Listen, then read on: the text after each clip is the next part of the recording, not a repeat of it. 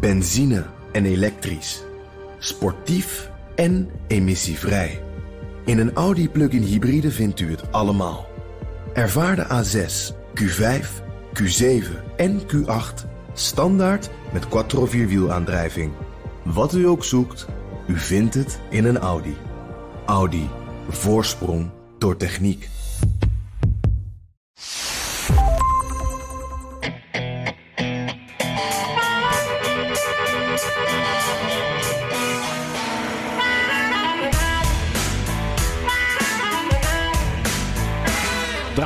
Mondkapje en pas op, corona wordt eerst erger voordat het beter wordt. Zo hadden we Trump nog niet eerder gehoord. It will probably, unfortunately, get worse before it gets better.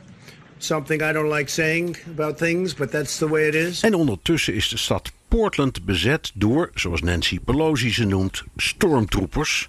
Werd Trump onder handen genomen door Fox News en overleed een Amerikaanse held. Dit is aflevering 34 van de Amerika-podcast. Mijn naam is Bernard Hammelburg en ik zit in mijn Amsterdamse thuisstudio in quarantaine, want ik ben net terug uit New York. En ik ben eh, Jan Posma, eigenlijk een beetje het eh, tegenovergestelde. Ik kom vanaf de veranda uh, van mijn huis hier in het landelijke Whitestone. Dat is net onder Chesapeake Bay. En ja, als ik me zo omdraai, dan heb ik uitzicht op water en vogels. En je hoort die vogeltjes misschien ook wel een beetje. Ik ben even gaan zitten in de schaduw, want het is hier om 10 uur s ochtends al 30 graden. Maar mijn kopje koffie, Bernard, dat staat voor me. Zo'n slap Amerikaans bakje uit zo'n keurig apparaat, weet je wel. ja, ja, die hebben dat, wij ook in New York. Ja, je ja. moet wat. Maar, nou ja, maar Bernard, ik, ik, ja? dat, dat andere merk is daar onbetaalbaar, Jan. Dus, ja, dat klopt, ja. Die Europese koffie, dat is niet, qua prijs dan weer niet te doen. Nee, maar we nee. moeten eerst even naar jou, want jij bent vers terug uit New York. en nu dus in quarantaine. dan moet je toch even vertellen, hoe, hoe ging dat? Hoe was die reis? Bizar. Dat we zeggen, die reis was eigenlijk precies zoals die altijd is. En dat is zichzelf bizar. Want ik wilde van tevoren even uitzoeken hoe zit dat nou eigenlijk. Ik had gehoord code oranje. Betekent dat nou precies? Nou, dat betekent als je naar zulke landen toe gaat dat je moet uitkijken. Hè? En dat je misschien niet verzekerd bent, dat soort dingen. Maar wat is nu, zijn we nu precies de voorschriften bij terugkomst? En daar ben, kon ik niet achterkomen. Niet via de website van Buitenlandse Zaken. Niet via de website van, de, van het RIVM. Niet via de KLM. Ik kon er niet achterkomen. Uiteindelijk heeft uh, een collega, Laurens Groeneveld, onze held op de redactie, die ja, ook zeker. veel voor onze programma's doet, um, mij geholpen. Want die was gerepatrieerd uit Spanje en die had hetzelfde meegemaakt. En die had een contactnummer en WhatsApp-nummer gevonden bij Buitenlandse Zaken. En uiteindelijk heb ik daar het verlossende woord gekregen: ja, je moet in quarantaine. Dat is overigens helemaal niet erg. Dus dat, dat is niet een, iets waar ik problemen mee heb. Alleen, dan gebeurt er het volgende: je komt op een vliegveld. Je checkt in. Je loopt naar het vliegtuig. Je gaat op je stoel zitten. Al die tijd hoor je niemand. Er wordt niets gezegd. Er wordt geen niets waarschuwing, geen uitleg, niks. 0,0. En je vliegt helemaal naar Amsterdam. En je komt keurig aan en je stapt uit zoals je dat altijd doet. En je gaat door de paspoortcontrole, douane, je pikt je koffertje op. En dat is het. Nou wist ik dus inmiddels dat wij naar huis moesten en in quarantaine. Dat heb ik heel braaf gedaan. Maar heel veel mensen, die, je hoort dus niks. Dus als je dat niet weet en niet hebt uitgezocht of er niet zo precies in zit... ja, dan stap je op de trein en ga je naar kantoor. Ja, ja. Dus het is bizar. Echt bizar. Ik snap het ook niet, want we, we, zijn, we zitten niet meer in de beginfase. Hè. We weten nu een beetje wat het allemaal inhoudt. We weten wat de risico's zijn. Uh, niet heel veel mensen reizen op dit moment op Schiphol natuurlijk. Maar er komen mensen toch van over de hele wereld nog. En ja, en de meeste. Kijkt, nee, de meeste mensen aan boord, dat is zoals altijd op KLM-vluchten, dat zijn doorreizigers. Dus er zaten heel veel mensen, er zaten mensen uit Azië en uit alle mogelijke plekken in de wereld in. Dus die stappen alleen maar over. Mm -hmm. um, maar het blijft heel raar hoor. Uh, en ik hoorde van de bemanning van de KLM, die slapen dan op, een vliegveld, op het vliegveld in een hotel. Eén nacht. En dan gaan ze weer terug. En dan hoeven ze niet in quarantaine. En ik vroeg me dan af, was, wat is het verschil tussen één nacht in een hotel of uh, één uh, nacht of een paar dagen op Times Square of uh, gaan ze maar ja, door. Ja, ik, zie, ja. ik zie het verschil niet hoor. Nee, nee. Ook Nou, omdat het niet druk is op Times Square op dit moment. Helemaal, nee, precies. Oké, maar goed, Nee. ik, eh, dat was dus, het was dus wonderlijk. Maar eigenlijk de meest routine, geroutineerde, ja, normale reis die je maar kunt hebben. En jij Jan, vertel. Wat maak je allemaal mee? Ja, ja ik, ik was. eh, eh, er er rijden hier ook af en toe wat auto's voorbij trouwens. Dat hoor je zo af en toe eh, t- tussen het Ja, eh, maar die, maar die, van, maar die, eh, het vogel. Die vogeltjes is wel fantastisch hoor. ja, die, die zijn dan wel weer heerlijk natuurlijk. Ja, ik, ik was eh, eh, een paar dagen geleden nog met eh, een, telegraafcollega, Daan, in Philadelphia. Daar waren we een verhaal aan het maken waar, waar ik later wel wat meer over zal vertellen. Maar we waren er ook voor Telegraaf Video en daar keken we hoe serieus Amerikanen hier in het Noordoosten zijn over mondkapjes. En waar we onder andere zijn gaan kijken is bij de fitnesszalen. Want in eh, Philadelphia mochten die weer eh, open sinds kort. Eh, gezondheid, Bernard. Ik hoop dat dat een gezond kuchje is. Ja. Geen zorg. nee, gelukkig. En met, nou, ja, je, je moet je voorstellen, het was er dus eh, 35 graden op dat moment. En je weet, in New York was het ook heel drukkend. Hè? Heel warm weer is het hier. Vo- luchtvochtigheid hoog. En zonder airco hebben ze dan de deur openstaan voor de doorluchting. En dan sporten ze daar met, met hun mondkapje op. En dan echt met van die nou, echt heftige dingen. Eh, push-ups en, en squats en, en al die dingen waar ik enorm eh, van naar adem ga happen. Maar die eh, man, zo- zo'n Rambo die daar aan het werk was, die zei lachend van... dit is gewoon een extra uitdaging, dit is alleen maar goed. Zie het als een soort hoogtestage. Als straks die mondkapjes weer af kunnen, dan ben ik Ja. goed getraind. Ja. Maar ze waren ik- daar... Ja? Ik liep, ik liep vorige week in New York ook met 36 graden en een mondkapje op. dus ik, ik, alleen dat, ik, ik liep gewoon. Ik was niet aan het sporten. Nou, dat is ook een goede training. Ja, ja dat is ook een goede training. Dat Maar, maar weet je wat ze hier zeiden? Ze waren allemaal een beetje verbaasd van eh, hoe dat dan kan dat in Nederland eh, je kan sporten zonder mondkapje. Er zijn natuurlijk ook allerlei eh, voorzorgsmaatregelen in, in, de, in, in de gyms. Maar ja, ik, ik vond het, het, het is bijzonder om te zien. Jij hebt die vergelijking, kan je nu ook weer goed maken natuurlijk, van hoe in Amerika, in ieder geval in ons stukje Amerika, zo serieus met mondkapjes wordt omgegaan. Terwijl je in Nederland, nou die discussie die is weer begonnen of die is nog steeds, eh, dat blijft een beetje zoeken in Nederland. Het blijft zoeken. En, en er was dus een persconferentie van eh, Fred Grapperhaus. eh, de minister van Justitie, die waarneemt omdat er, Rutte en de jongen die zijn met vakantie. Dus die gaf een persconferentie om een beetje te waarschuwen tegen ook in Nederland toch weer de toeneming van het aantal infecties. En wees nou alsjeblieft voorzichtig. En toen werd heel nadrukkelijk gevraagd: mondkapjes. En daar sprak hij gewoon overheen. Hij zei: als iedereen zich nou gewoon aan die afstandsregels houdt. en een beetje zijn hersens gebruikt. dan komt het allemaal goed. Ja, maar mondkapjes. En toen kwam hij weer met datzelfde antwoord. Dus nee, eh, er wordt hier wel steeds meer op aangedrongen. Maar het straatbeeld is zonder mondkapjes. Ja, dat, dat blijft dat iets past- raars, hè? Ja, dat Als je vergelijkt lijkt met dus- Amerika. het lijkt dus als Trump, eh, alsof Trump eh, president is van de Verenigde Staten. Hoewel die nu eh, aan het draaien is. Hè? Want die riep altijd, ik doe niet aan mondkapjes. En Ja. mensen die mondkapjes dragen, dat zijn eigenlijk eh, actievoerders tegen mij. Ehm, en ehm, hij verzette zich ook tegen de opvatting van eh, de Amerikaanse, het CDC, de Centers for Disease Control. wat het Amerikaanse equivalent is van het RIVM. Die zegt je moet wel die mondkapjes dragen. En nou was het in één keer om. Het in één keer om. Had hij plotseling eh, een andere opvatting. We're instead asking Americans to use masks, socially distance, and employ vigorous hygiene. Wash your hands every chance you get while sheltering high risk populations. We are imploring young Americans to avoid packed bars and other crowded indoor gatherings. Be safe and be smart. En de vraag is, Jan, wat is hier nou gebeurd? Waar, waarom, is hij, waarom is Trump gedraaid? Hij had zelfs een mondkapje op met, eh, met het, het wapen van het Witte Huis erop. Daar hebben we het al over gehad. En, en nu zeg je dus, nou, ik heb helemaal geen bezwaar tegen als het nodig Ja. is. Wat is hier gebeurd? Ja, ik vond het eh, echt. Ik, ik was verbijsterd toen ik dit zag hoor. Want het is wel echt, echt een draai. Hoewel Trump natuurlijk ook altijd een beetje zo. Eh, het ook een klein beetje zo in het midden hield. eh, op veel momenten. Zodat hij ook altijd een beetje kon zeggen: van. eh, nou ja, het is niet dat ik het ontmoedig. dus die kritiek kunnen jullie niet op mij hebben. Maar nu inderdaad, er kwam ook een tweetje. Met een foto van hemzelf met dat mondkapje met dat mooie logo erop. En hij zei van een mondkapje is patriotistisch. En ik ben de meest patriotistische uh, president die jullie kennen. Dus ik draag een mondkapje. En ik, ik, uh, ik had echt moeite om dit, uh, om dit nou uit te leggen. Het enige, enige wat ik kan bedenken is... Ja, we zitten gewoon... we weten dat dit niet weggaat. er moet wat gebeuren. En uh, dat is waar Trump op reageert. Maar tegelijkertijd, Bernard, geloof ik dan niet... dat Trump nu ook echt overtuigd is van die mondkapjes. Wat, wat denk nee. jij? Ik denk hetzelfde. En het is ook, ja, de manier waarop, precies zoals jij zei, de manier waarop hij het zei op, in dat perswoord. Ze die, nou, ik ben, ik ben, helemaal nooit tegen mondkapjes geweest, joh. Kom je daar nog bij? Ja. Uh, ja. ja. En, uh, nou ja, en ik, ik, god ja, als, ik, als het zo uitkomt, dan doe ik, ook wel, doe ik dat ook wel. En ja, god, het wordt eerst erger. Uh, dus voordat, voordat het beter wordt met deze ziekte. Dus ja, nou ja, dat. Ja. Maar ook dan, dan ze die, ja, goed, maar da, ook dat valt eigenlijk allemaal wel weer mee. Het komt allemaal wel goed. Dus het is. Ik weet niet, ik, ik denk dat hij hij buigt steeds zijn opvatting iets naar de werkelijkheid van dat moment, denk ja, ik. Dat is mooi gezegd.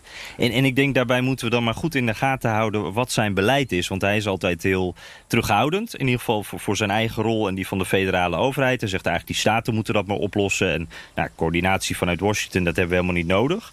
Uh, en, en ik denk zolang hij zeg maar niet het probleem blijkbaar groot genoeg vindt... om, om ook een leidende rol voor die federale overheid te hebben... dan ben ik, ben ik nog niet overtuigd dat hij echt, echt van mening is veranderd. Hij, hij zei het ook weer een keer, hè. Het gaat, de, tijdens die, datzelfde persmoment... het gaat vanzelf weer weg.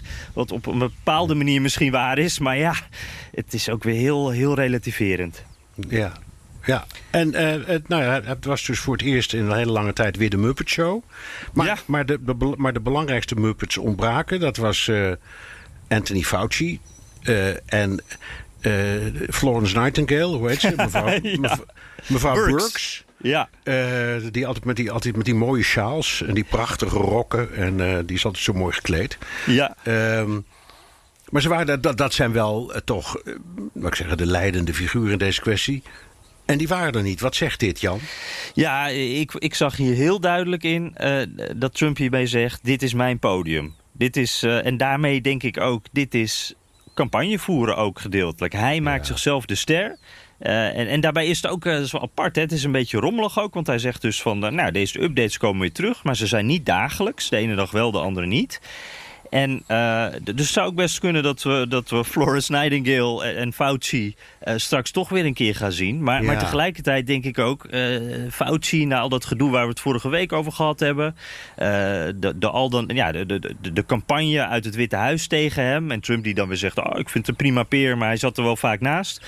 Dan denk ik, die gaan niet naast elkaar staan. Dat, dat, Nee. dat zie ik niet gebeuren. Nee, ik keek ook eh, naar die opmerking van, eh hoe heet ze, eh, eh, Calway? Conway? Conway, ja. Conway, Car- Carrie en Cal, Conway. Die zei wel iets verstandigs, vond ik. Eh, die zei, hij moet weer die persconferenties gaan geven. Want hij, hij, hij, hij daalt in de peilingen. En in de periode dat hij die persconferenties gaf, ging het beter met hem. Dus Ja. hij moet daar weer naar... Nou, dat zei ze gewoon heel eerlijk en openlijk. Ik dacht, nou, je hebt misschien nog wel een punt ook. Ja, het, is misschien, ja. het is misschien vanuit dat perspectief helemaal niet zo gek. In verkiezingstijd om als president met regelmaat even het volk toe te spreken. Uh, Ten slotte, in Nederland is het ook verkiezingstijd. En uh, dat doen uh, de Nederlandse ministers ook. Maar het Nederlandse kabinet ook. En ook daar, hoe, je kunt het niet helemaal goed vergelijken, maar toch wel een beetje. Ook daar zit altijd een politieke factor in. Ja. Want ook, die, ook, ook deze buitengewoon fatsoenlijke uh, mannen die we zien, die zijn toch ook bezig met hun verkiezingscampagne. Ja. Dus, dus ook, daar, ook daar speelt dat wel een beetje. Dus ik denk, ja, de leider van een land in nood, die moet gewoon zijn neus laten zien. Wat je daar verder ook van vindt en hoe je naar de inhoud kijkt, het werkt. Zijn neus laten zien, geen mondkapje dus. Geen mondkapje, dat heb je Ja, ja, ja. hey, nou, nou nog wel één dingetje trouwens, waar, waar ik dan wel ook... eh, Ik ben benieuwd wat jij er ook van vindt. Dat dan is zijn boodschap wordt ook wel belangrijk. Want uh, ik ben bijvoorbeeld wel benieuwd hoe zijn uh, supporters nu gaan reageren. Ik, ik heb al wat mensen op, op, uh, op de social media gezien die zeggen van... Ja, hallo, nu zegt hij dit. Ik ga nu echt niet met een mondkapje rondlopen. dat blijft voor mij gewoon onzin. maar of hij, ja, als, hij, als dat de boodschap blijft... Van, dat, dat hij toch zijn eigen CDC gaat ondersteunen in wat zij zeggen. Ik kan me voorstellen dat dat voor hem toch best wel als hij wat meer presidentieel is, dat is wel een rot woord. Maar eh, je snapt wat ik bedoel, dat dat hem meer zou helpen dan wanneer het weer zo'n campagne-rant zou worden. Wat, wat, denk jij? Nou, zullen we weer even in het hoofd kruipen van een Trump-stemmer. Ja, uh, ja. Die, die heeft opvattingen, net als ieder ander. En die is ook niet gek. Die begrijpt precies hoe de vork in de steel zit. En die denkt het volgende. Die denkt, ik ben het gewoon met Trump eens. Die mondkapjes is allemaal onzin. Maar ik snap dat de president onder enorme druk staat. Van de CDC en van al die artsen en van al die gouverneurs die maar brullen. Dus ja, dan buigt hij een beetje mee. Eigenlijk vind ik dat best in orde. En ik wil ook tegen mijn vrienden best zeggen dat het misschien wel handig is om mond, zo'n mondkapje te dragen. En het vervolgens gewoon niet te doen. Dus ik, ik denk dat, dat die kiezer uh, dat buigen, dat meebuigen met de werkelijkheid van de dag. De waan van de dag. De corona-waan van de dag. Dat, dat de Trump-kiezer dat allemaal helemaal, zo, helemaal niet zo gek vindt en het best begrijpt. Ja, ja, toch wel wat flexibiliteit. Hey, wij moeten het ook eens even gaan hebben over uh, een, een ander best heftig onderwerp. De, de stormtroopers noem ik het maar even. Um, en daar moeten we dan ook uh, daar moeten we even wat bij uitleggen. Dat zijn de, de federale agenten in militaire uniformen. En, en die pakken demonstranten op in de, in de stad Portland. En uh, Trump heeft al aangekondigd dat hij ook federale agenten inzet in bijvoorbeeld Chicago, Kansas City, Albuquerque. En uh, als het aan hem ligt volgen er ook nog meer steden. En daar is veel kritiek op. Uh, al is het alleen al van de burgemeesters van die steden, want die zitten daar niet op te wachten. En uh, bijvoorbeeld de burgemeester van Portland, die kreeg vannacht traangas uh, over zich heen. Die was bij die demonstraties aan het kijken. Die zei, ik was echt pissed off. Die was boos.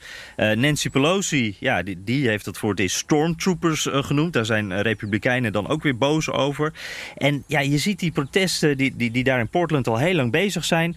En in sommige gevallen gaan die ook wel met geweld gepaard. We hebben die beelden gezien. Het, lijken soms meer op flinke voetbalrellen. Uh, en, en, je ziet ook dat die protesten de laatste dagen in Portland in ieder geval wat minder om Black Lives Matter gaan, maar meer om die federale troepen zelf. Dus daar is echt wat, wat geks aan de hand. Uh, ik vind het er echt behoorlijk dreigend uitzien uh, allemaal, Bernard. En jij schreef er ook in je column over deze week. En dat deed mij meteen ook denken aan een vorige column van jou. Ja, uh, ik, ik heb inderdaad uh, dat woord stormtroopers gebruikt, ontleend aan wat Nancy Pelosi zei. Uh, vanwege de methode, vooral vanwege de methode. Wat het allemaal zo, vind ik, eng maakt. En wat is, is. Wie zijn dit? Die federale agenten die zijn, zijn soms geuniformeerd en soms zijn het, lijken ze erg op, uh, op de Russische groene mannen in Oekraïne. Ja, want je weet niet wie het zijn dan, hè? Je weet Geen niet wie het zijn. Ze pakken uh, ze zijn natuurlijk daarheen gekomen, uh, officieel met als argument om de orde te handhaven en voor, vooral federale gebouwen te beschermen. Maar ze pakken eigenlijk zonder aanzien des persoons demonstranten op. Die gooien ze in overvalbusjes. Die overvalbusjes hebben geen nummerbord. En dan zit je inderdaad, dan denk je, ja, dit is, um, dit is wel heel eng. Dit gebeurt niet in een rechtsstaat. Um, en uh, los van de vraag of dat nu, hoe het juridisch zit, daar kunnen we best nog even over praten. Maar het is dood en doodeng uh, dat zoiets gebeurt. En zelfs als Trump, wat we, wat, waar hij wel een punt in heeft, vindt dat in een heleboel steden het geweld tegen de politie uit de hand loopt. Um, dan nog, en zelfs als je zou zeggen, nou ja, dan stuur dan maar federale troepen. Wat, wat niemand wil, hè, voor de duidelijkheid. Maar ja. zelfs als die, als die burgemeesters zouden hebben gezegd: wil je alsjeblieft federale troepen sturen? Zelfs als dat zo was geweest, dan nog is dit een optreden wat inderdaad doet denken aan stormtroopers. Mm-hmm. Dit past niet in een democratie. En, ja, en ja. bijvoorbeeld, bijvoorbeeld iets heel simpels. Mensen worden gearresteerd in Amerika. Geldt een heel belangrijk recht. Op het moment dat je wordt aangehouden, dan worden je rechten gelezen. Hè? De Miranda Rules. Dus uh, u, hebt, ja. u, u, u, hebt recht op verdediging. U hoeft niets te zeggen wat tegen u gebruikt kan worden. Dat laat ze gewoon weg. Ze pakken ze op, ze slaan ze in de boeien, ze gooien ze in een overvalwagen. Ja. Nou. Ja. Ja, ik, ik zag uh, beelden en ik las daar ook verhalen over van mensen die... Uh, dat waren dan wel demonstranten, maar die liepen gewoon op straat. en die zeiden van ja, we, werden op een bepaald moment werden mensen in witte busjes. Dat zijn dan gewoon huurauto's van, van Hertz of van een ander merk. Daar staat niks op. Daar werden we ingegooid door, door mannen in uniformen en militaire uniformen. En, en jij weet ook, in Amerika zijn best wel wat milities en dat soort groepen die ook in dit soort pakken lopen. Dus je weet niet of dit echt een militair is. In Nederland weet je dan eigenlijk wel zeker... oh, het is echt een militair, maar dat weet je hier gewoon niet. En die worden dan ergens naartoe gereden. Ze weten niet waar ze zijn. Worden vastgehouden een tijdje. En uh, in de loop van die... Ze mogen niet met een advocaat praten. En dan komen ze achter, we zijn in een politiebureau. Uh, dat weet je dan, dat is doodeng natuurlijk. En, en, en ze worden niet ergens voor aangeklaagd uh, geklaagd in sommige gevallen. Dus je zou ook nog eens kunnen zeggen van... waarom is het dan gebeurd? Waarom ben ik va vastgezet? Ja. en, en dan zegt Bar volgens mij, in ieder geval... Of, of de meneer van Homeland Security waar ze onder vallen... die zegt dan, we pakken proactief op. Dat vond ik ook wel heel mooi. Eufemistisch, want als je proactief wordt op opgepakt, dan heb je eigenlijk nog niks gedaan dus. Nee, en het is in strijd met het Amerikaanse recht. Mm omdat de, altijd, hè, dat geldt trouwens in bijna alle democratieën... op het moment dat je wordt gearresteerd, dan is daar een procedure voor. En dan wordt, moet er ook tegen je wordt gezegd dat je wordt aangehouden. Uh, dat doen ze dus hier niet.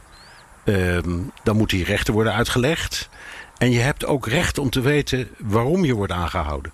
Mm en als dat niet gebeurt, ja, dan dat is gewoon een, een, een overtreding van de, van, de Amerikaanse, van de Amerikaanse wet. En dan kan minister Barr van Justitie roepen wat hij wil.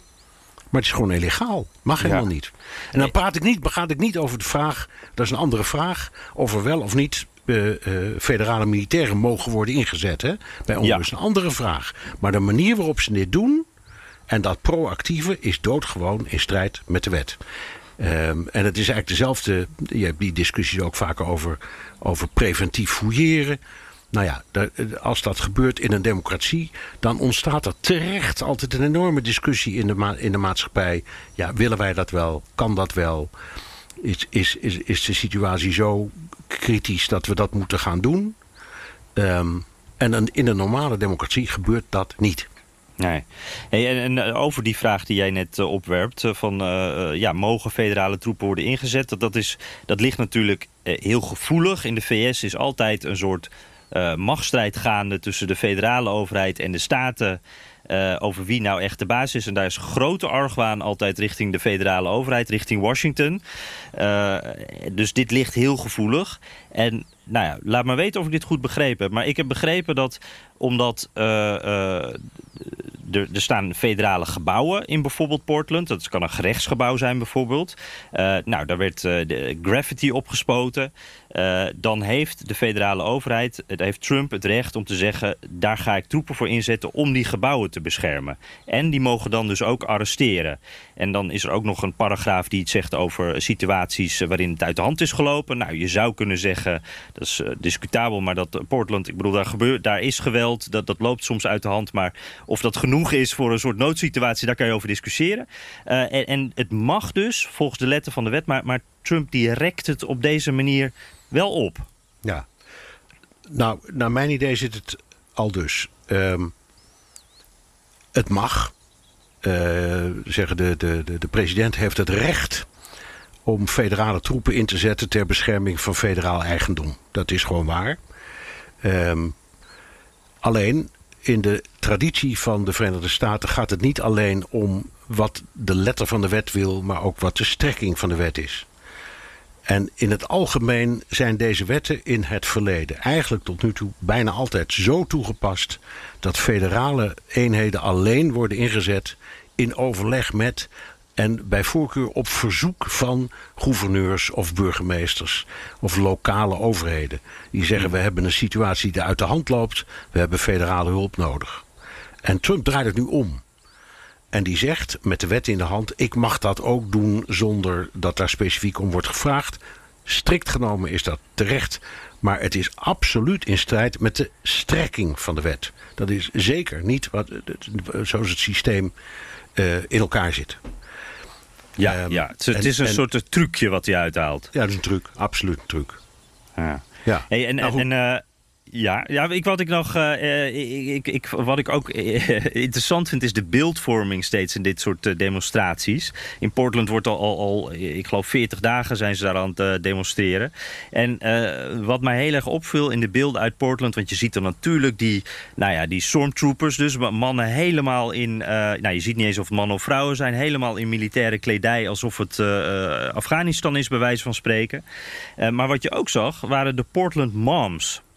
Dat is een eh, groep moeders uh, in het geel gekleed en met, met, duikbrillen en gasmaskers op tegen traangas. En die vormden een soort muur uh, avond aan avond tussen de demonstranten en de politie. En die zongen op de melodie van kinderliedjes teksten als Don't Shoot Your Mom. Wat bij mij sowieso wel, wel binnenkwam natuurlijk. Bizar om dat zo te zien. En daar kwamen ook de Portland Dads bij. En die waren in het oranje gekleed. En ik zag daar, dat vond ik wel heel geestig, een man met een bladblazer. En dat is voor mij toch een beetje het symbool voor nou ja, laat ik even zeggen, kleinburgerlijkheid in de suburbs. Uh, met zijn bladblazer, daar, daar blies hij de traangas weg. Of probeerde dat in ieder geval. En ja, misschien dat dit slimme PR is. Maar ik vond het een ijzersterk beeld. Het contrast tussen die, die, die moms en die dads. Die, die, ik weet het ook wel, het zijn misschien niet allemaal letterlijk vaders en moeders. Maar die liedjes zingende mensen tegenover die paramilitairen. Ja. Poeg. Ja, wat ik, wat ik ook een, een, bijna komisch beeld vond, was die poedelnaakte vrouw. Ja, ja. In, in Portland die demonstreerde, die ging dus demonstratief met haar benen wijd midden op de straat zitten. En daar tegenover stonden dan allemaal van die geuniformeerde mensen, van die soldaten. En dat contrast was zo bizar. Ongelooflijk, uh, ja. Ja, en, en, eh, en, de, de, militairen gingen ook weg na een tijdje. Die, die, ja, wat moesten ze ermee aan? Ja, dat kun je, dat kun je ook niet. Wat, moet, wat zou je willen of kunnen of moeten doen? Ja. Uh, maar het, het, het, uh, die, die, vrouw is overigens, die, die doet vaak demonstraties. Dus het is een beetje haar vak om dit te doen. Ja. En die, die dacht, kom op, ik ga hier maar eens uh, zitten op straat. Maar het was wel een heel bizar moment. Ja. Um, maar goed, het, het, uh, het idee erachter, en wat Trump ook zegt. Uh, ik ga dit meer doen. En ik, wil, ik, heb een aantal, ik heb een lijstje gemaakt van steden waar dit allemaal nodig is. Het zijn toevallig allemaal steden met democratische burgemeesters. Ja. Ja, dat is toch ook wel heel apart.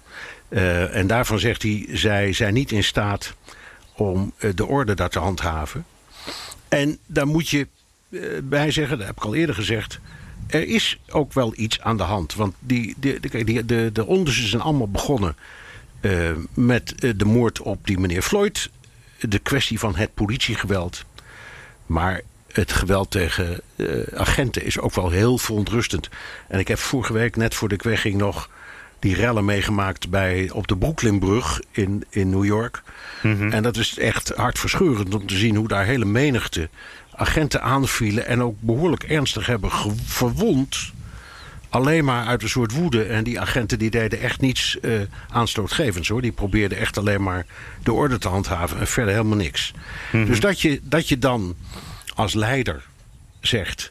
Ja, maar jongens, we kunnen niet alles. We kunnen niet accepteren dat politieagenten zomaar worden afgeranseld en tot bloedens toe uh, in elkaar worden gemapt. Dat, dat kan niet, daar moeten we iets aan doen. Maar ja. dat is niet wat Trump echt denkt. Trump, zijn punt hè, is law and order. Uh, en in een periode waarin het land uh, in, in een ongelofelijke gezondheidscrisis zit... en misschien wel de grootste economische crisis in een eeuw... slaagt hij erin om het punt law and order bovenaan de agenda te krijgen. Ja, en ja. dat, is, dat is ook wel heel apart, Jan.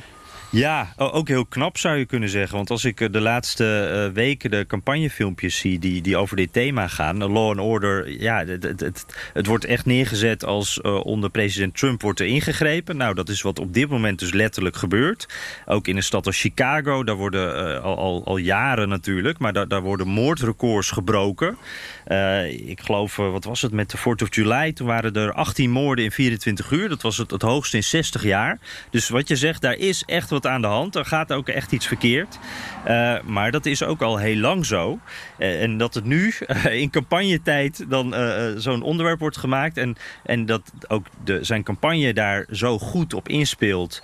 Uh, ik, ik vind bij de Trump-campagne altijd heel sterk hoe uh, de, de, actualiteit en, en, de campagne, hoe dat in elkaar grijpt. En dat gebeurt nu ook weer heel erg, uh, op een hele slimme manier. En, en Trump helpt dat dus zelf ook een handje. Hij zet het op deze manier ook naar zijn hand. Hij zet het op zijn manier op de agenda. We gaan van Black Lives Matter nu naar ja, eigenlijk het geweld tegen politie. Dat heeft hij ja. gedaan. Ja, en de vraag is, is het beeld bij die kiezer nu het land is in totale chaos vervallen door allerlei omstandigheden. Door de pandemie en door de economie en door uh, de, de, de rassen uh, demonstraties. Uh, ja. En dat is zo uit de hand gelopen. We hebben nu een sterke man die dat allemaal regelt. Law and order. Mm -hmm. Of gaat die kiezer zeggen... Um, er ontstaat iets van dictatuur. En dat kan ook best bij de Trump-kiezer gebeuren. Uh, jij wees er straks heel terecht op dat er altijd met wantrouwen naar Washington wordt gekeken. En jij wees ook heel terecht op die milities die zich ook vaak kleden in militaire tenue. Juist dat soort mensen koesteren een kolossaal wantrouwen tegen Washington.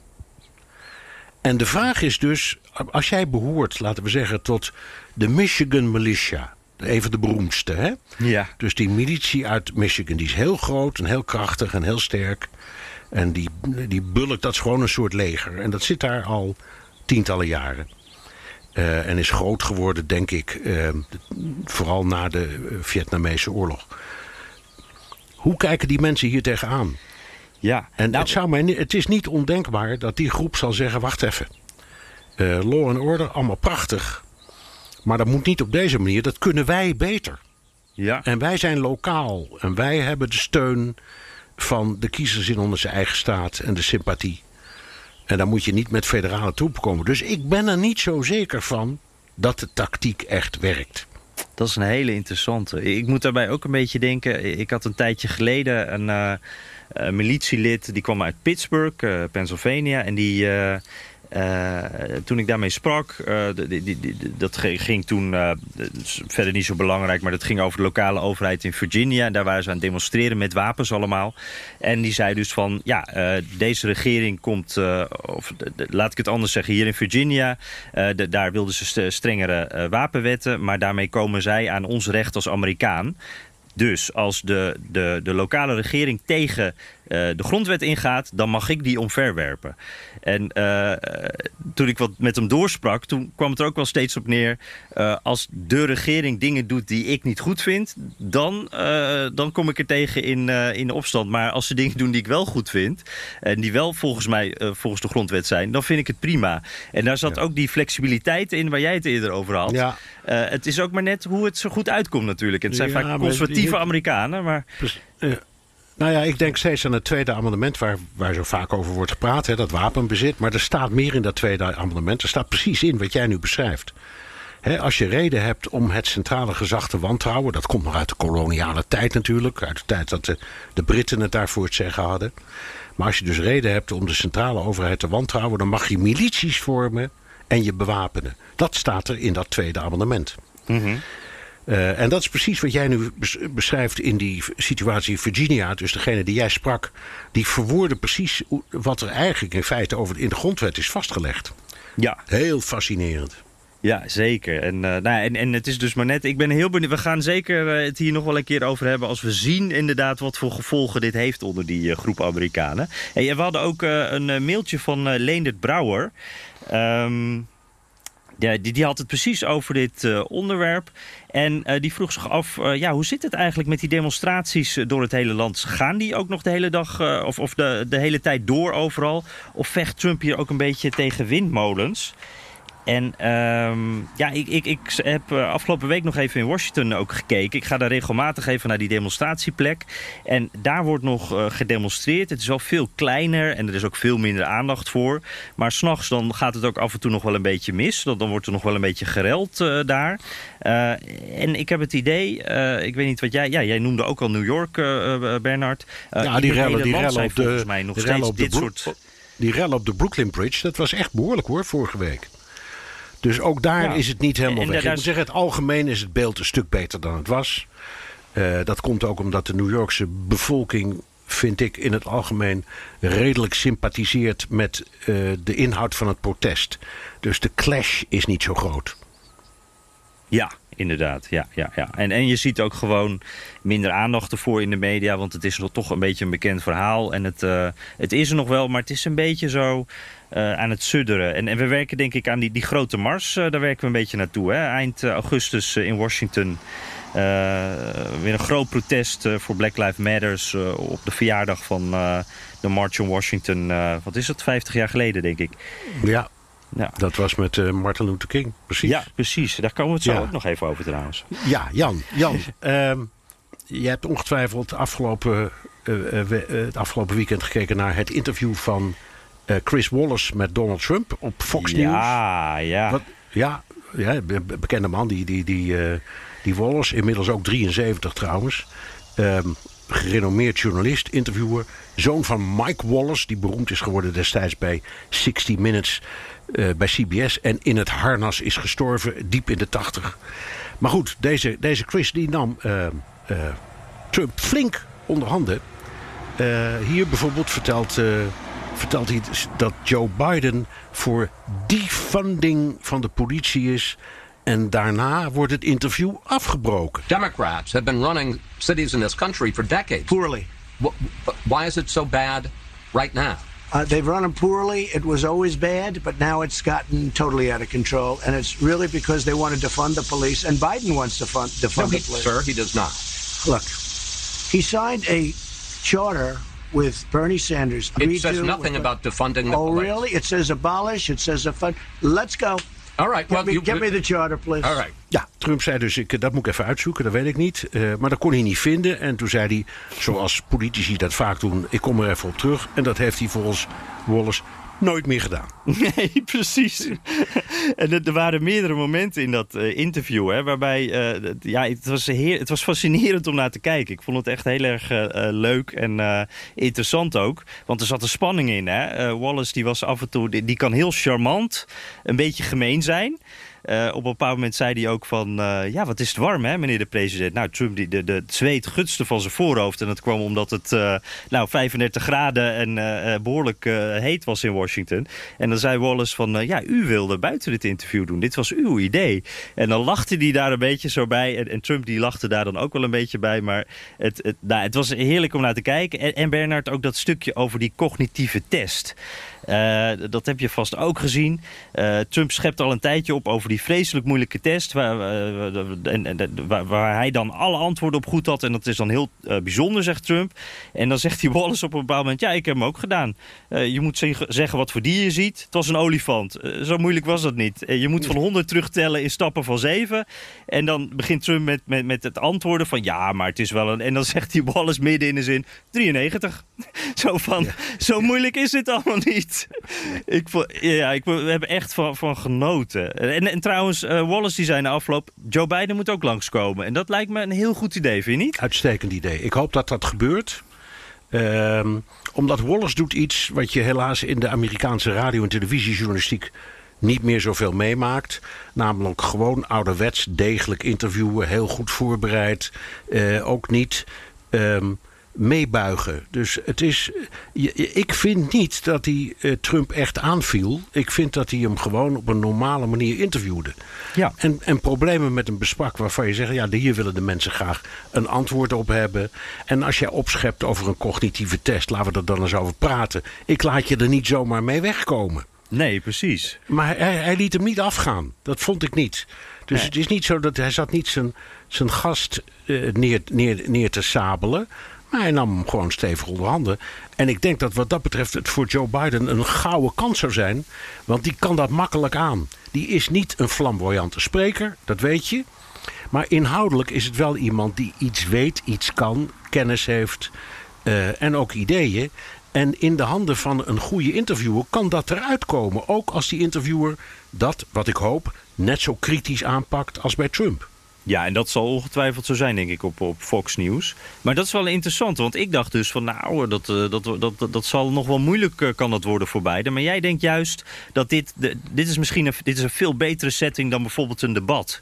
Hier zou Biden echt tot zijn recht kunnen komen. Ja, natuurlijk, omdat hier de, de, de, de Wallace gaat echt moeilijke, ingewikkelde en slimme politieke vragen voorleggen.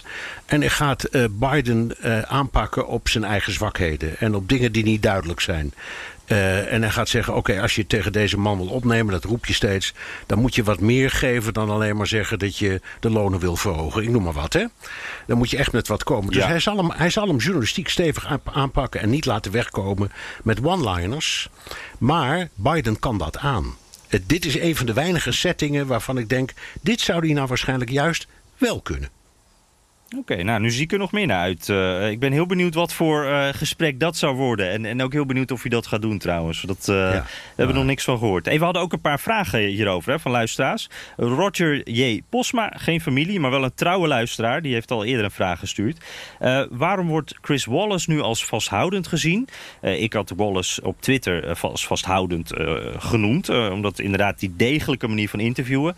Ja. terwijl, waar, maar waarom? Omdat terwijl zo lang nog niet zo lang geleden dit de norm was voor alle journalisten. Trump heeft de meeste journalistieke normen al vernietigd, zegt uh, Roger. Ja, nou, Roger heeft helemaal gelijk. Alleen het geld is helaas breder dan alleen maar sinds Trump en in Amerika. ik, ik, ik, wil, ik wil niks onaardigs zeggen, maar als je kijkt naar een persconferentie van minister Grapperhaus... Um, die um, een heel verhaal vertelt over dat het wat ernstiger is in Nederland... maar dat hij nog geen uh, aanleiding ziet voor harde maatregelen. En dat dan de eerste vraag over mondkapjes gaat. En die man geen antwoord geeft. En dan nog een keer over mondkapjes. En dan laten ze hem dan gewoon mee wegkomen. Ja. Dus het, het echte discours, zoals dat vroeger heette. Dus het echte uitwisselen van gedachten. En dat kan ofwel of het kan animoos worden of het kan vriendelijk zijn. Dat doet er niet eens zoveel toe. Mensen denken altijd hard interviewen betekent uh, snoeiharde en gemene vragen stellen. Nee, dat is helemaal niet zo. Uh, het harde, echte interview, dat betekent dat je echt op de materie ingaat. En mensen niet laat wegkomen met uh, simpele antwoorden. En de mensen uitdaagt om iets te vertellen. En een politicus kan en wil dat. Ja. En ik ben het met uh, Roger eens. Wat dat betreft, en jij ook met jou. Chris is wat dat betreft een beetje een uitzondering aan het worden. en dat ligt aan de rest van de journalistiek. Chris Wallace is gewoon journalist gebleven. En er is, is er een beetje van afgeraakt, denk ik vaak. Ik vond ook, wat jij zegt inderdaad, die, dat degelijke. Ik vond hem heel tactisch. Hij, hij, het was echt pick your battles. Hij had een paar punten die hij heel duidelijk wilde maken... en wilde factchecken eigenlijk met Trump. En een paar andere dingen die liet hij gewoon lopen... en dan ging hij naar zijn volgende uh, punt. En, en die, ja, dat was, ja, daarmee zette hij Trump echt in de hoek af en toe. Ja. En weet je wat, wat ik nog wel eraan wil toevoegen, wat jij zegt... Trump die kiest natuurlijk ook heel vaak voor vriendelijke interviewers. Dus dit, dit gebeurt ook niet zo vaak dat, dat er iemand... andere Fox News interviewers, die, die zijn echt veel vriendelijker voor hem. En, uh, uh, ja, en ik denk in veel situaties willen journalisten ook wel. Maar is de situatie er altijd niet, na, niet altijd naar? Jij noemt net persconferenties. Ja, hier in Amerika ook. Iedereen is elkaars concurrent. Hè? Dus er komt een vraag en dan komt er niet een duidelijke follow-up question. Want jij wil je eigen verhaal en niet het verhaal van die concurrent wil je uitdiepen. Het wordt wat chaotisch. Trump kiest ook ervoor om voor een helikopter met draaiende motor te, te gaan staan. dat wordt ook chaotisch. En, en daar pakt hij vaak zijn voordeel mee. En daardoor komt hij er ook vaak mee weg voor mijn gevoel. Ja, maar ik vind dat die journalisten hem wel vaak erg makkelijk laten wegkomen. Ja, dat is het. En ik bedoel dat niet negatief. Het hoeft nogmaals niet altijd negatief te zijn. Nee. Je kunt, laten we zeggen, laten we te spelen. Hè? Wij praten samen met Trump over mondkapjes. En je pakt hem eerst aan. Je zegt, u spreekt u zelf tegen. Eerst roept u dat u er tegen bent. En dan zegt u dat bij nader inzien bent u er voor. Leg dat eerst eens even uit. Maar daarna gaan we in op de materie zelf. Wat ja. vindt u er nou van? Welke rapporten moeten we nou naar kijken? En um, dus je, je kunt zo'n thema best oppakken om echt een goed interview te doen met zo iemand. Ja. Zonder dat je nou alleen maar bezig bent om te zeggen: U bent een leugenaar, je kan u, ik kan u niet vertrouwen. Daar heb je niks aan. Ja. Dus het is ook, ik vind eerlijk gezegd, al die makkelijke, obligate vragen. Uh, die er worden gesteld, vind ik ook wel erg gemakzuchtig en ook niet erg functioneel. Je hebt er weinig aan. Er komt bijna nooit nieuws uit. Nee, precies. Dat is, en dat is het belangrijkste uiteindelijk. Ik, ik was nog Ja. een, een luisteraarsvraag vergeten van eh, Robert-Jan Vonk. Die, eh, die zegt over hetzelfde interview... eh, is dit niet gewoon het gekste interview ooit? Maar zegt, dat is een beetje retorisch. want de echte vraag was... nou, we hebben het vaak over Biden. Net ook weer, geen groot spreker. Maar veel van zijn hiccups... als hij niet uit zijn woorden komt, als hij hakkelt... dat komt ook omdat hij stottert. En, en daar moet hij ook mee omgaan. Waarom denken jullie... is dat feit zo weinig bekend? Ja, dat, is zo. Ik, Bernard, ik heb het gevoel... Ja? ja, zeg het maar. Nou, ik wou zeggen, ik heb het idee, eh, we vallen vaak een beetje eh, in een soort... Wij hebben het er wel over gehad, over dat stotteren. Maar eh, het beeld is nu vaak Biden, die oude man. En dan zie je hem dat doen en, denk je, en dan past het binnen dat beeld. En daardoor komen we vaak niet verder dan een beetje dat frame van... dit is een oude man die niet uit zijn woorden komt. Nou, ik, we, hebben, we hebben de afgelopen maanden toch ook vaak gezegd van, van Biden. Hij was altijd al zo. Het is niet zo dat hij nu plotseling anders is dan anders. Zijn hele politieke carrière eh, is hij van alles geweest maar, geweest, maar nooit een flamboyante spreker. En inderdaad, hij stottert. En daar vecht hij al zijn hele leven mee. Daar heeft hij ook wel interviews over gegeven trouwens hoor. Het is dus niet een verborgen feit. Maar het maakt het extra ingewikkeld. Alleen, ik denk eerlijk gezegd niet dat de luisteraar of kijker hem het stotteren kwalijk neemt, om het zo maar te zeggen. Of daarover valt. Ik denk dat de luisteraar of kijker denkt: ehm, hij dwaalt af en hij haalt mensen door elkaar. En hij, kan zo plot, hij weet de feiten niet helemaal precies. Of hij noemt, een, eh, hij noemt een feit waarvan we allemaal weten dat het eigenlijk niet klopt. Dat heeft niets met stotteren te maken. Nee, Het alleen gewoon- dat, dat, dat hakkelen, dat dat dan door stotteren komt waarschijnlijk. Of nou ja, in ieder geval, dat versterkt dat wel natuurlijk. Als jij er feitelijk naast zit en, en je hakkelt een beetje, dat is niet handig. Nee, nee, dat is ook zo.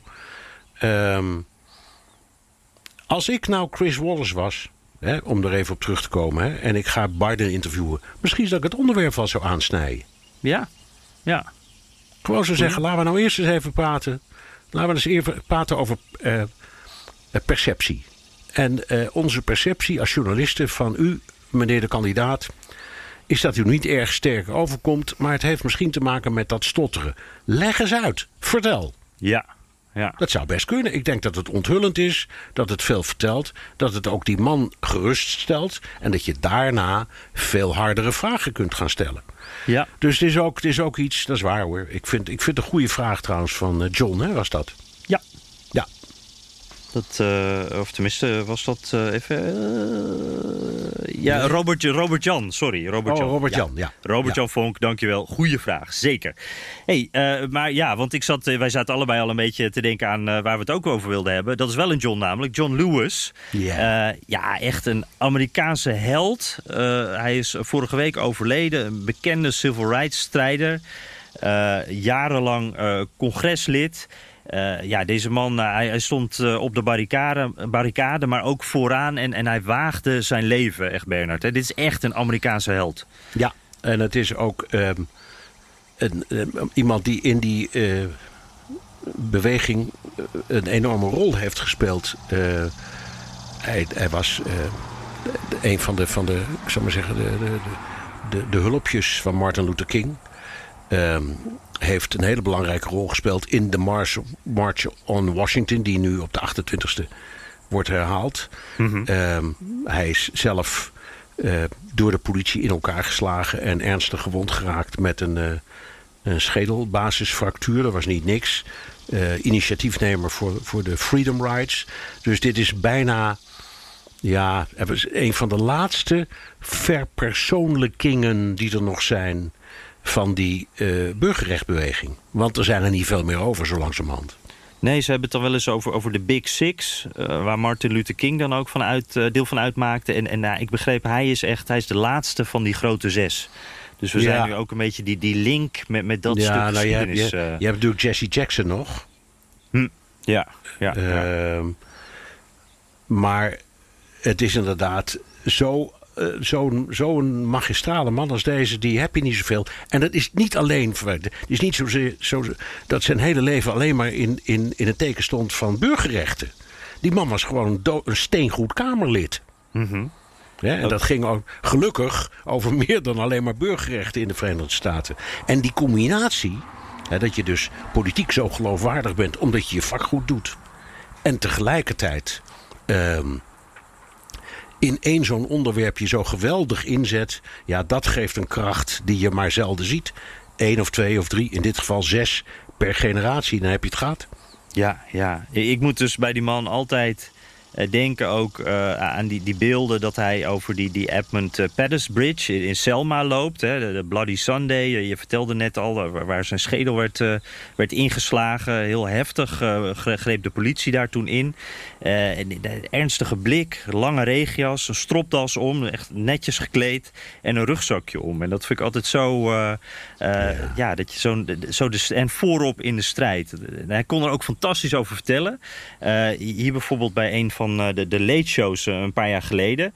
Hij had het altijd over good trouble. Hè? En hem wordt dan gevraagd, wat betekent dat nou? Getting in trouble, maar dan good trouble. When I was growing up in, in rural Alabama as a young child... and would visit places like Troy and Montgomery, and I would see those signs that said, white men, colored men, white women, colored women, white waiting, colored waiting. I would ask my mother, and my father, my grandparents, and my great grandparents. They would say, that's the way it is. Don't get in the way. Don't get in trouble. But I heard of Rosa Parks. I heard of Martin Luther King Jr. I met Rosa Parks in 1957 when I was 17. 1958, I met Dr. King. And these two individuals inspired me to get in trouble. And I've been getting in good trouble, necessary trouble ever since. Ja, mooi hè, hoe hij het daar zo eventjes samenvat. Ja, hij, hij moet dat natuurlijk ook zijn hele leven hier al, moest hij hier al over praten. Maar hij blijft het vol passie vertellen. Ja, maar het is natuurlijk ook een prachtig thema. Hè? Dat je, dat je, dat je in, in, in, in het kwaad ook iets goeds probeert te zien. Het is, past ook helemaal in die oude religieuze opvatting. Hè, van, uh, want vergeet niet dat die Martin Luther King senior en junior allebei dominees waren. dit was een beweging van geestelijken. Mhm. En um, ja, dat, dat, dat, dat zo nog heel diep speelt in het, in het leven van Lewis ook een enorme rol. En ik zie eerlijk gezegd geen echte uh, moderne John Lewis. Jij wel? Nee, ik ook niet. Die, die, die Black Lives Matter beweging is nu gaande. Ik vond het ook, ook uh, ontroerend om te zien. Hij was daar een maandje geleden, John Lewis, uh, om op die gele letters van Black Lives Matter te staan. En uh, daar stond hij stil en hij keek. En ja, hij zei later over dat hij daardoor optimistisch was. Maar ja, ik, ik, wat denk jij, wij maken misschien deze mensen ook... Het is lang geleden. Wij maken er ook in de loop van de jaren steeds meer helden van. Dit was een held.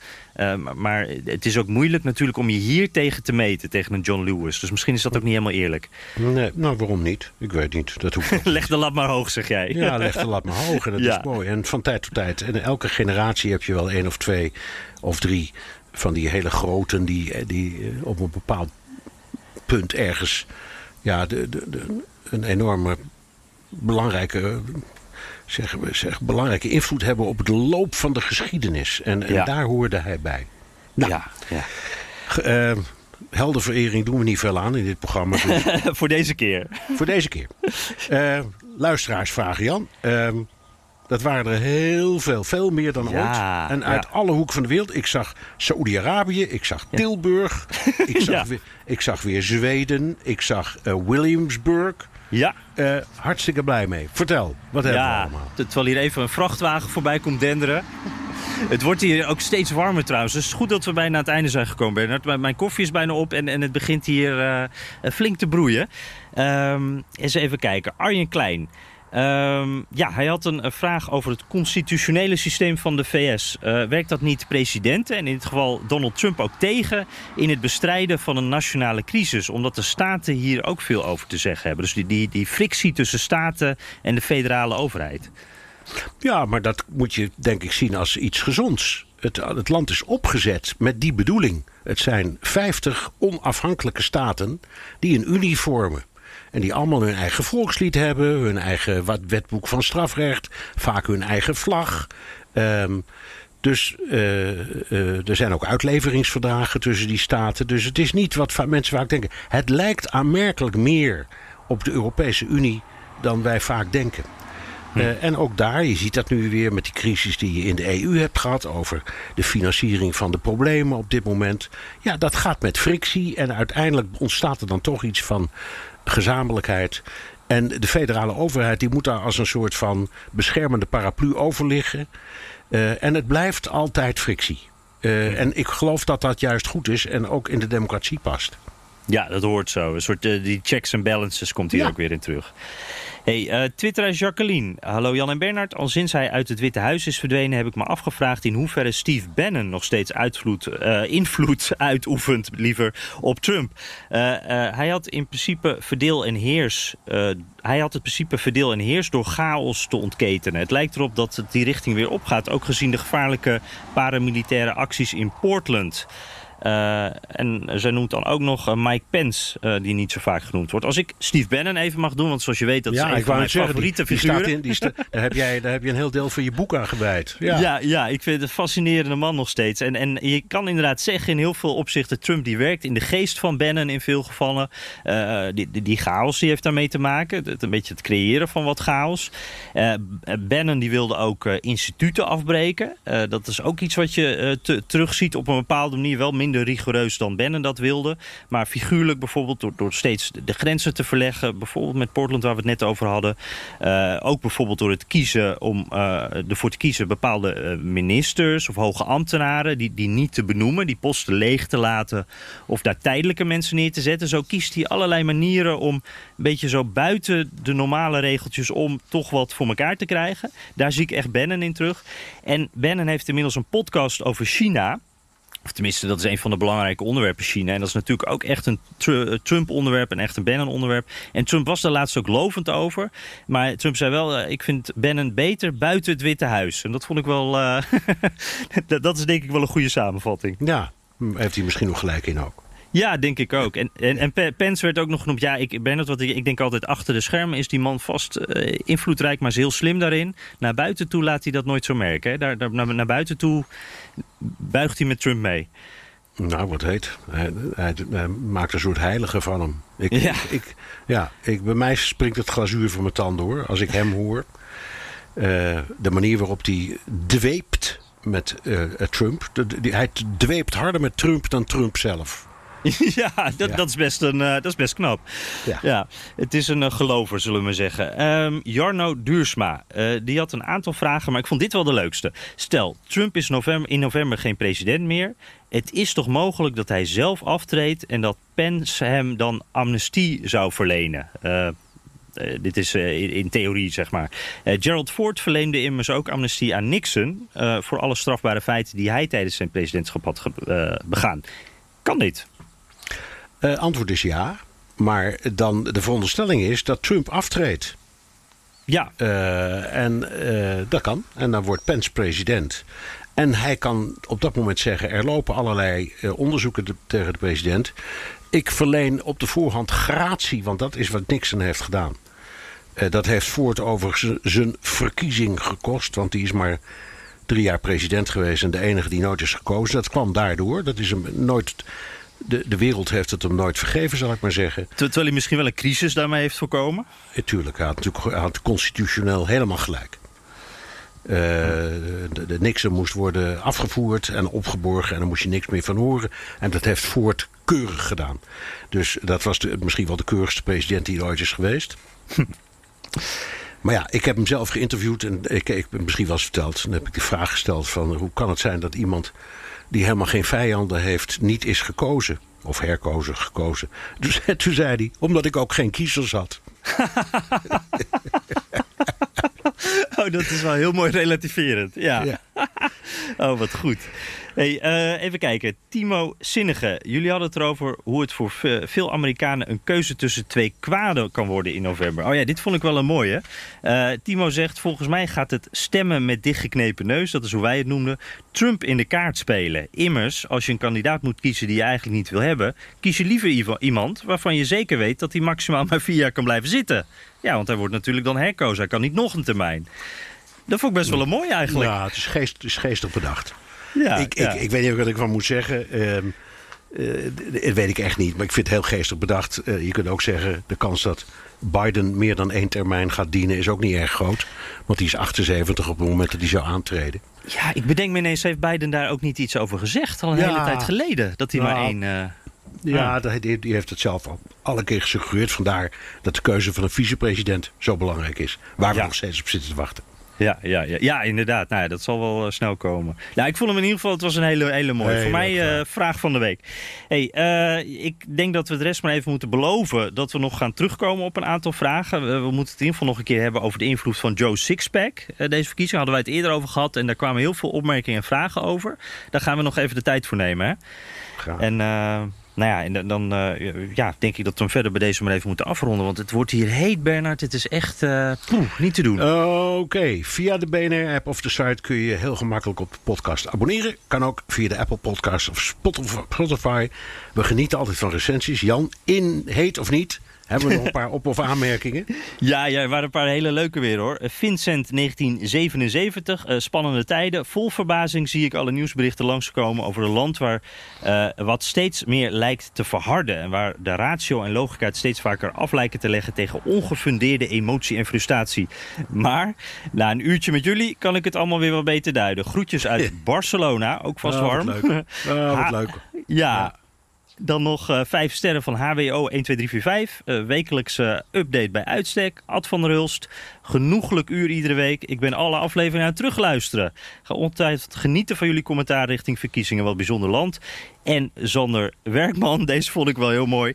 Ik werd via een goede vriend in Nederland geweest op jullie podcast. Hij luistert jullie graag voor het slapen gaan. En met name Bernard zijn stem helpt een handje zijn ogen te doen sluiten. Dus dat is wel heel intiem, Bernard, de rol die jij Ja. daar vervult. ik, ik, hij zegt er nog, eh, ik woon zelf in New York en geniet zelfs sinds kort ook erg van jullie podcast. En hij stuurde me- eh, een foto mee dat hij onderweg was naar de Hamptons. Oh, dat is ook een mooie plek om eh, te zitten op met New dit weer. Op Long Island, ja. Ja, ja, ja, ja. Dus ja, de leuke opmerkingen en recensies. Oké, terugluisteren kan via de BNR-site, Apple Podcast en Spotify. Heb je vragen, opmerkingen, kritiek of complimenten? Dan kan het ook met een tweet naar Jan USA of BNR De Wereld. Of heel ouderwets met een mailtje naar dewereld.bnr.nl. Ja, en laat ook even weten hoe je dus naar ons luistert en waar vandaan. Vinden we ook heel leuk. eh, over de hele wereld. Eh, Ik, ik eh, omschrijf het eventjes. Ik, ik zit hier zelf onder een wapperend Amerikaans vlaggetje bijvoorbeeld. En ja, nog een dingetje. De reden dat ik hier zit is natuurlijk vakantie. Dus we slaan volgende week voor één keertje over. Dat wordt onze zomerstop. En daarna zijn we dan de dag gewoon weer. Dus tot over twee weken.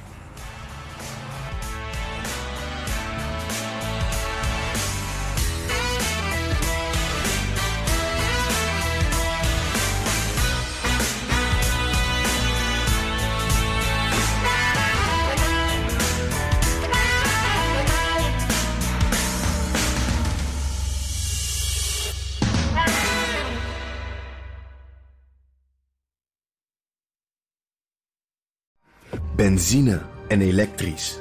Sportief en emissievrij. In een Audi plug-in hybride vindt u het allemaal. Ervaar de A6, Q5, Q7 en Q8 standaard met quattro vierwielaandrijving. Wat u ook zoekt, u vindt het in een Audi. Audi. Voorsprong door techniek.